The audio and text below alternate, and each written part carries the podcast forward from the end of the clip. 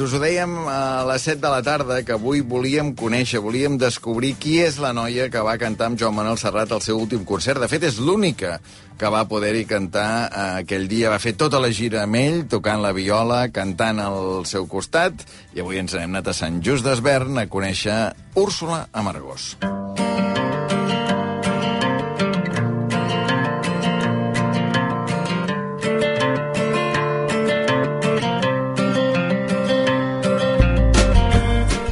Úrsula.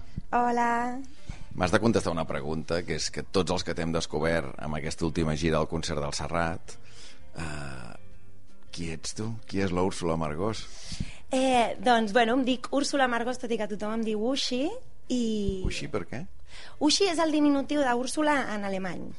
Això em van dir. Tampoc és que m'hagi ho hagi buscat, eh? Però t'agrada més Uixí que Úrsula. Ningú em diu Úrsula, de fet, quasi ningú. Tinc 31 anys i sóc violista i, bueno, músic, en realitat, des de fa molts anys. Vaig començar a tocar la viola amb, amb 7 anyets i jo crec que amb 4 o 5 anyets ja feia classes, doncs, això de allò que vas a l'escola de música i et donen un tambor o un, o un xilòfon o... o sigui que la música al final ha estat tota la vida amb mi perquè els meus pares són músics també, la meva germana l'avi del meu pare també ho era llavors bueno, al final la música és com l'essència de, de la meva vida una mica Has dit violista, violista toques la viola, no toques el violí. toco la viola i sempre he tocat la viola, perquè és veritat que és un instrument que hi ha molta gent que és violinista i després amb els anys es passa la viola, però jo mai he tocat el violí, sempre, sempre ha sigut la viola. Que la viola és un violí una mica més gran, Exacte. diguem, als nostres ulls és això, però suposo que en el so també és diferent, no? És més greu, o sigui, té com més ressonància perquè al ser més gran és com que el so és una miqueta més profund i de fet diuen que és com un dels instruments que té com més eh, la sonoritat de la veu humana això diuen llavors, bueno, és un instrument que està entre el cello i el violí és bonic perquè, sí, té aquesta profunditat del cello una miqueta i també pot tenir la part aguda del violí Som al menjador de casa teva, es nota que és la casa d'una música, no? Perquè tens un piano aquí a la teva esquerra i a la teva dreta, aquí molt ben posat, i tens la viola. exacte sí, sempre la tinc aquí Sí, sempre a la vista? Um, acostumo, perquè molts cops també si la tinc tancada i quan la obro i la fino, a vegades és com que així s'adapta millor. A veure, que vull sentir aquest so que dius que té la viola, a veure.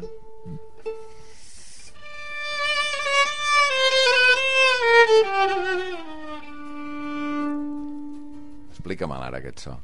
Ui, això no t'ho sé explicar. No? en paraules no es pot. No, però deies això que s'assemblava a, a la veu humana. Sí, bueno, perquè és veritat que el violí té una tessitura bastant més aguda i la viola sí que és veritat que té... Bueno, té com unes, unes notes que es poden més assemblar a la veu humana. O sigui, la veu humana pot imitar més a una viola que un violí, clar. Però bueno, és el que et deia, o sigui, a la nota més greu de la viola... Això seria com una nota que el violí no, no la té, i la més aguda de la viola? i la més aguda és aquesta, però...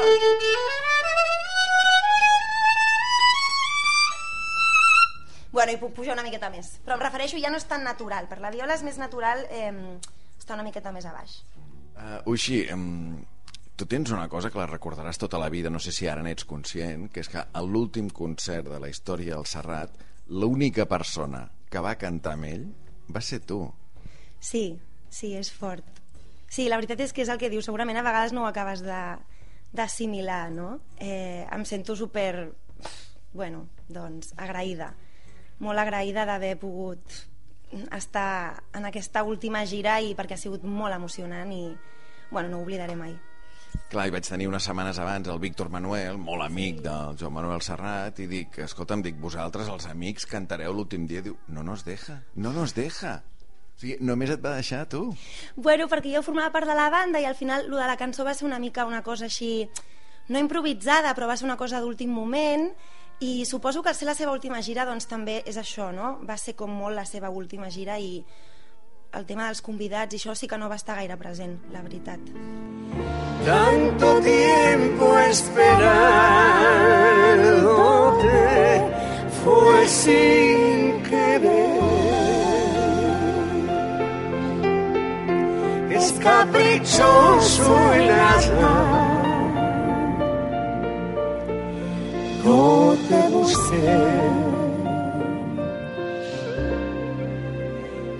ni me viniste a buscar.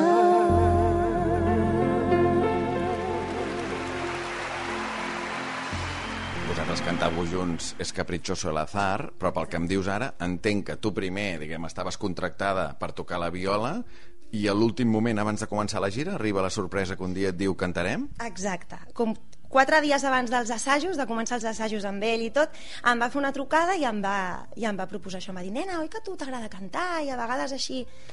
O sigui, bueno, no com a hobby, però sí que has cantat una mica, oi? Vol, vols cantar aquesta cançó amb mi? I clar, jo vaig dir, ostres, clar, és que no puc dir que no, però jo em vaig morir de la por. Clar, clar, no m'estranya. Llavors, bueno, eh, i va ser, doncs, això, vaig proposar-me com el repte, no? Vinga, encara que et faci por, fes-ho, perquè realment jo sóc violista, no sóc cantant i el cant sempre m'ha donat... O sigui, bueno, no, no tinc les tables que puc tenir amb la viola a l'escenari, llavors ha sigut, doncs, completament nou també per mi. És la segona gira que feies amb el Serrat, vas fer una el 2018 ja, no? Exacte, la del Mediterrani de Capó va ser.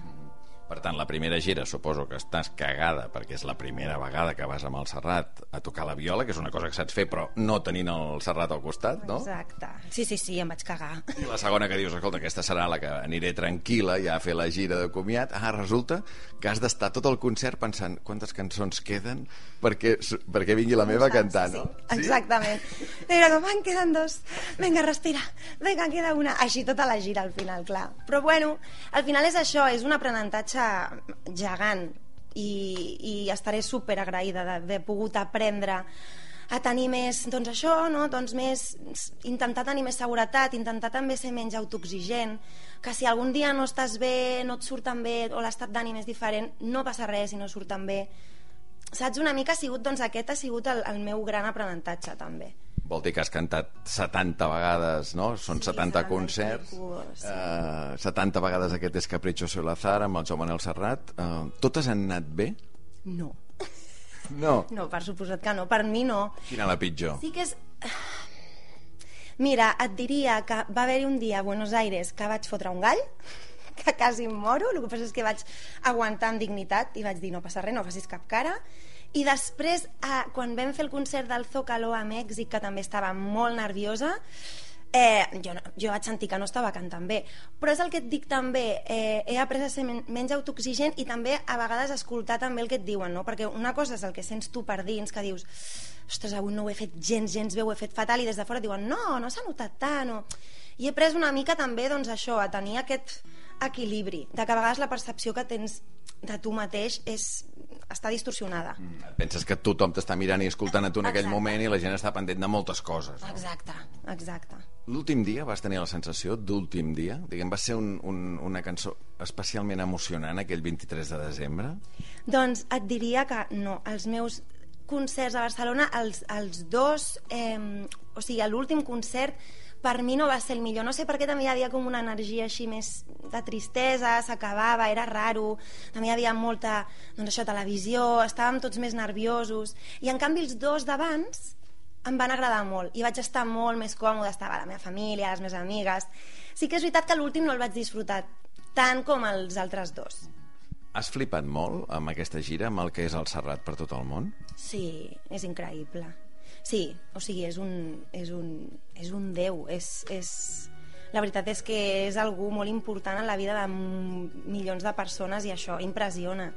I quan estàs, sobretot, per exemple, a Buenos Aires... Al... Allà on vas fer el gall. Ah, on vaig fer el gall, justament. Per sort en vam fer cinc, crec. Llavors, als altres no va haver-hi gall. Però bueno, Allà notes molt que és Déu a Buenos Aires. Uf, és, és bestial. O sigui, sí que a tot arreu, però sí que és veritat que el públic de Buenos Aires és especialment intens. Llavors és com que el tenen com... Sí, sí, és, és una barbaritat. Estar dalt de l'escenari i veure les cares de la gent, les llàgrimes, els crits, els tot... És com... Uf, realment és... S'ha de pair. O sigui, has vist llàgrimes a mig món, diguem, no? Sí, Gent plorant perquè el sí. Serrat se n'anava. Sí, sí, sí, sí, sí. A ell li has vist caure una llàgrima? Llàgrima, llàgrima...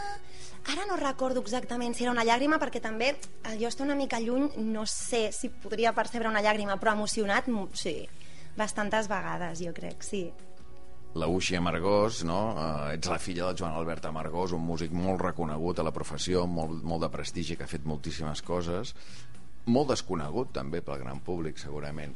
Tu t'agradaria més tenir una carrera tipus la del teu pare, diguem, amb el, buscant el prestigi de la professió, o, diguem, quan veus, hòstia, l'escenari, cantar al costat del Serrat, aquesta cosa, l'aplaudiment del públic, eh, això també t'agrada?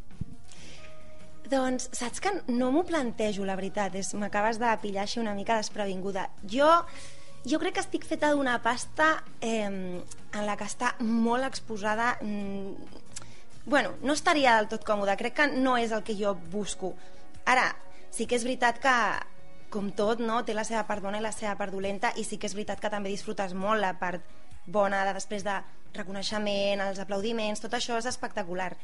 Però no sé, crec que crec que jo estic fet, feta més d'una pasta en la que estic més còmoda eh, bueno, doncs això, sent una professional en el meu àmbit però tampoc disparant gaire cap amunt Deia el Serrat quan acaba la cançó no? perquè la gent tinc la sensació que després de sentir com feu el duet aquell d'Escapricho Solazar la gent aplaudia molt Sí, sí, hi havia dies que era molt bonic perquè abans d'acabar hi aplaudien i sí, és molt xulo.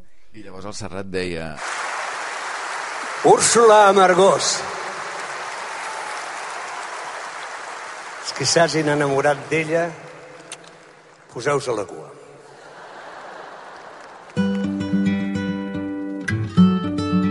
Bueno, això ho va dir a Barcelona. Ara, els altres concerts no. concerts no. Ho va dir a Barcelona i a mi em va, em va agafar com una mena d'atac de riure després i em vaig morir de la vergonya, les dues coses. Però no ho deien als altres concerts, ho va dir a Barcelona. I a Barcelona ho va dir cada dia. Ho va, ho va dir els tres dies, sí. Una gira de 70 concerts per mig món en 8 mesos eh, és tan bonica com ens la imaginem o és un pal? Jo crec que com tot, té de tot. O sigui, té moments eh, molt bons i té moments en els que també estàs fart o vols menjar millor, vols dormir millor, vols veure els teus amics, vols anar a fer una cervesa a Gràcia, saps allò? No sé, o sigui, al final... Eh, però en canvi és una passada també poder viatjar i no et, no et sabria dir, o sigui, jo no, no et puc dir ni que és un pal ni que és una mare... Jo crec que és això, sempre hi ha com un equilibri de les dues coses. Perquè llavors, clar, a més els músics, els set músics que acompanyava el Serrat en aquesta gira, d'edats molt diferents, perquè clar, des del Ricard Miralles clar. i el Kid Flus, que són de la generació del Serrat, per entendre'ns, no? Llavors tu, que en tens 31, clar. i altres músics més joves, fèieu vida junts, que es costava tancat a la seva habitació d'hotel, com, com funcionava això? Què fèieu junts sempre, per exemple? Sí, això és, mm, depèn del dia i depèn de la setmana. Hi ha dies que tens més ganes de sociabilitzar i hi ha dies que no en tens, llavors aquell dia segurament et quedes a l'habitació mirant una sèrie o fas videotrucades amb la teva família o el que sigui, no? Però molts cops sí que, mira, el Ricard Miralles, per exemple, recomanat pel metge, li van dir, mira, estaria bé que fessis una hora al dia de caminar, no?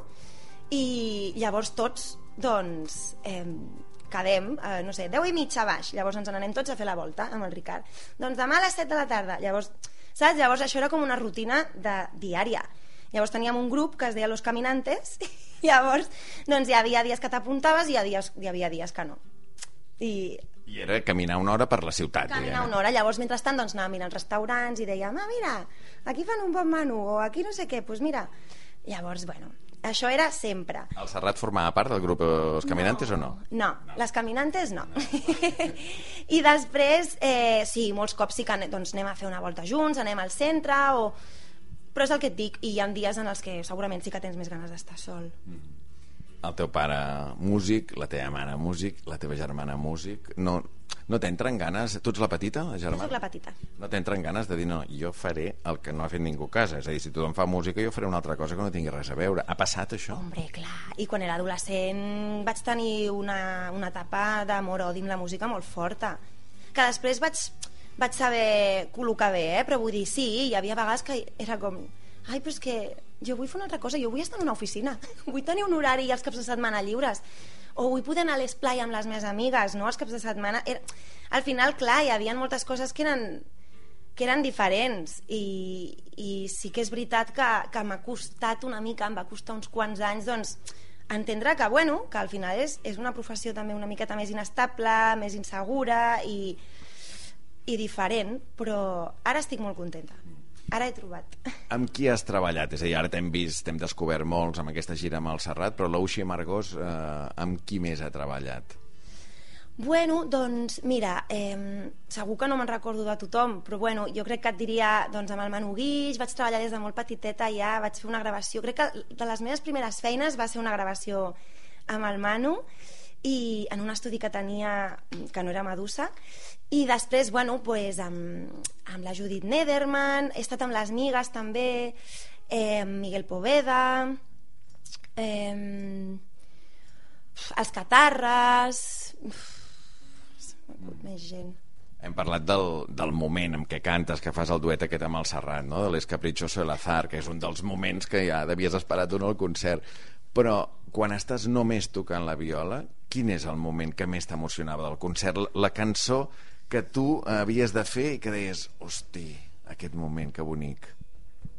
Ostres, no et sabria dir una eh, cançó. Bueno, et diria, les meves preferides eren Mi Niñet, que és una cançó que m'agrada moltíssim, m'emociona, i segurament aquelles pequeñes coses també m'agradava molt amb la viola però és que clar, els, els arranjaments del Ricard són tots tan increïbles que és que disfrutàvem cada tema o sigui, per mi és una de les coses també que trobaré més a faltar, tocar els arranjaments del Ricard perquè pff, és, és molt especial o sigui, al final és la sonoritat, la sonoritat serrat tot el que hi ha darrere és Ricard Miralles, és tot escrit per ell des de sempre, no? i bueno, és un equip increïble ells dos i et vull demanar que et vull sentir amb alguna cançó del Serrat, com hem de fer això?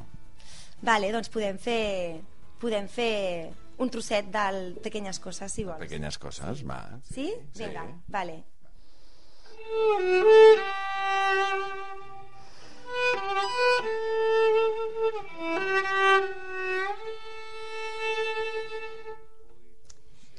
Bueno, de fet, se m'està acudint una cosa, i és que el meu pare està molt aquí a prop, perquè viu molt a propet. Eh, li puc dir que pugi, i així ho podem fer els dos, que jo crec que quedarà molt més maco. Amb el teu pare, el Joan Albert Amargós, sí. al piano? Sí, què et sembla? Sisplau, i tant. Sí? Per favor, ja l'estàs trucant o sortint per aquí a la finestra. Son aquellas pequeñas cosas que nos dejó un tiempo de rosas en un rincón, en un papel o en un cajón. Ja ha arribat el pare. Hola. Què tal? Com estàs, Albert? Molt bé, Joan Albert Amargós, quin... tan ben enredat, eh, la filla? Home, però si no m'enreda ella, qui m'ha d'enredar? Estic encantat de que m'enredi i de que estiguis aquí a casa. Et queia la bava l'últim concert? Bueno, tots els concerts, però vull dir l'últim del Serrat, veient la teva filla allà. Em cau la bava, evidentment, amb ella i amb la seva germà també, que quan han tocat sempre doncs, han tingut un sentit de la responsabilitat i de voler-ho fer bé, que això doncs, m'ha il·lusionat moltíssim, perquè jo sempre dic que estan aquí pel que valen, no perquè, perquè siguin filles meves. Clar, jo li he fet una pregunta perquè dic, hòstia, el teu pare, el Joan Albert Amargós, dic que és un dels músics segurament més reconeguts dins de la professió, amb més prestigi de Catalunya, i en canvi molt desconeguts pel gran públic. Dic que tu, ara que... Has... és, una... és una sort per tu, sí? Sí, clar que sí. Aviam, eh, si, si nosaltres podem fer el que ens agrada, jo ja sóc feliç així, però m'imagino aquesta sensació de dir ara sortiré de casa i potser està esperant algú per dir-te alguna cosa, una, unes fotos o una entrevista o no sé què, o ja ha passat tal saps què vull dir? Aquesta inquietud que genera ser una persona molt... molt... Però no tens la vanitat aquella de dir, hòstia, escolta, és que jo he treballat amb els millors, amb el Serrat, amb el Poveda, amb el Camarón, als Jocs Olímpics del 92, he fet 50.000 coses, dic, mm, Clar una mica sí, més de reconeixement. Jo, reconeixement, val, però jo crec que, mira, tinc una cosa que em fa molta il·lusió dir-la, que és el reconeixement de la professió quan s'han fet premis de la música i guanyat molts premis gràcies a que els votava la professió que et coneixen i saben que ets una persona normal i corrent i que sobretot que treballes amb, amb, amb la mateixa intensitat tant si és un artista petit com si és un artista gran i això... Però ella, la filla, la Uxi, va tastar, diguem, això de cantar a eh, dalt l'escenari, tots aquells aplaudiments, això també és molt llaminer, diguem, no està fer un pas endavant i estar a primera fila? Clar que sí, però bueno, les coses són com són. Evidentment, això és com una orquestra, no? Hi ha un concert de violí, doncs qui els ulls els tens amb el violinista, l'orquestra doncs, passa en segon pla, però tot fa que allò sigui magnífic, potser, no? Per tant, però bueno, hem d'assumir que en la vida de l'artista doncs, hi ha uns que es tenen, podríem dir, de portes en fora són molt importants i després uns que estan a l'altre cantó de la porta que ens ho passem molt bé perquè no ens emprenya ningú. La viola, no? Quin, quin instrument no sé si dir-ne estrany o... Bueno, és la família. Eh, això és com els germans, la violí, la viola i el cello i el contrabaix. Aviam, tu decideixes. Evidentment, anar amb un contrabaix és bastant incòmode, això t'ho asseguro. Clar, però llavors... Jo no vaig decidir, eh, però la viola... Bueno, la meva mare, ai, la meva dona, l'Elisabet, bueno, eh, evidentment, com que l'altre va fer violí, doncs per què, per què no fa viola, no? Aquelles coses de dir... Però mira, ara que has dit això de la família, és el germà del mig, diguem, no? No és el gran ni és el petit, no? I llavors, hòstia, la viola... Tens raó, tens raó. Evidentment, sempre és una mica com maltractada, podríem dir, no? Perquè els grans concerts de violí són els de violí, els de viola ja passen, ja estan anys llum d'aquests, no? Però això passa amb tots els instruments. Tu pensa que els concertistes dels instruments importants com són el piano, el cello i el violí són els primers. Després hi ha un concert per flauta i ja és una raresa. Un concert per un corn anglès encara més. Per tant, doncs hem d'assumir-ho, però hi han de ser. Aleshores, doncs els has de defensar i donar-los també un caràcter doncs, primordial, no? que això també és important. Diu així, vine un moment, mira. O sigui, tu no vas triar tocar la viola. No, jo volia tocar el violí com tots els nens petits que volen tocar el violí, però com que la meva germana, la gran, ja el tocava, a mi em van dir la viola. I el cello. El cello ho vaig dir, però la meva mare va dir que no, que l'hauria de carregar ella. Això és veritat, això és veritat. No, no, s'hi ha de pensar en tot això. Jo t'explicaré una, Va dir, anè- "Ui, no, no, no". t'explicaré una anècdota que és molt divertida. L'arpista l'arpista de l'orquestra li va dir, eh, diu, què, què s'ha de fer per tocar l'arpa? Dius, de moment tenir un nòvio que tingui una bona furgoneta.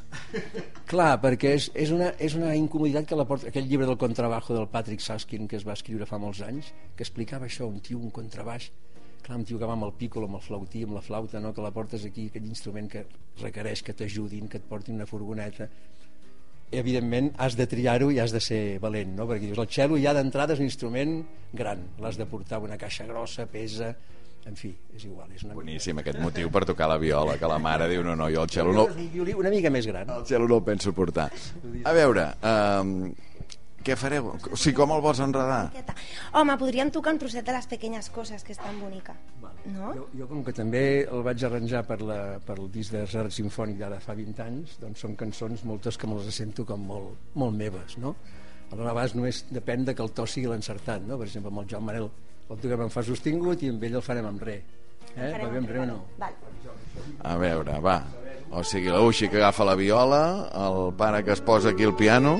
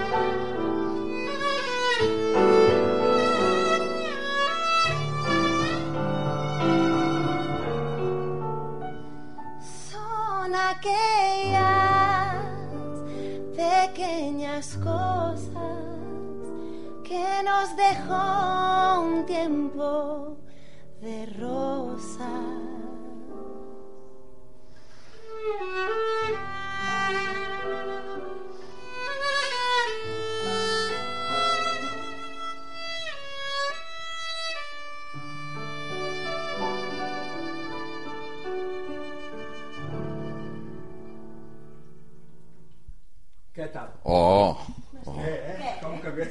Home, home, sensacional. m'encanta. Les coses en directe des d'aquest punt, no? Que, ai, però m'ha encantat, de veritat, sí. Jo Això pot passar? Molt, m'ha agradat molt. Això pot passar, un diguem, petit tast, eh? és un petit tast, un evidentment. diumenge a la tarda a casa dels Amargós? Pot passar això o no? I tant. Ui, la de vegades quan estem amb la Carlota, també la teva filla, de cop i volta els hi trec coses, va, toquem això. Llavors, el fet de tocar de la música, fer de la música l'aspecte lúdic que en té, no? A vegades que dius, ara no estem en públic, estem aquí disfrutant, tocant Bernstein, tocant el West Side Story, en fi, coses d'aquestes són... són, Aquesta és la banda sonora de la nostra família, la veritat. Són coses que ara... No aneu dient perquè us demanaré que la feu, eh? Vull dir...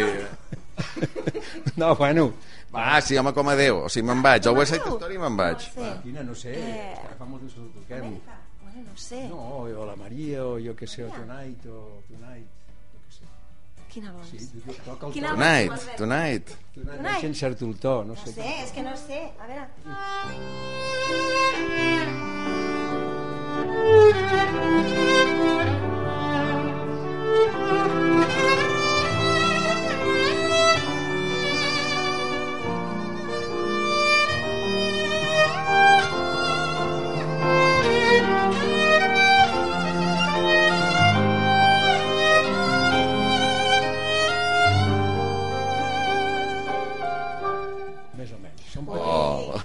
tasts, petits tasts.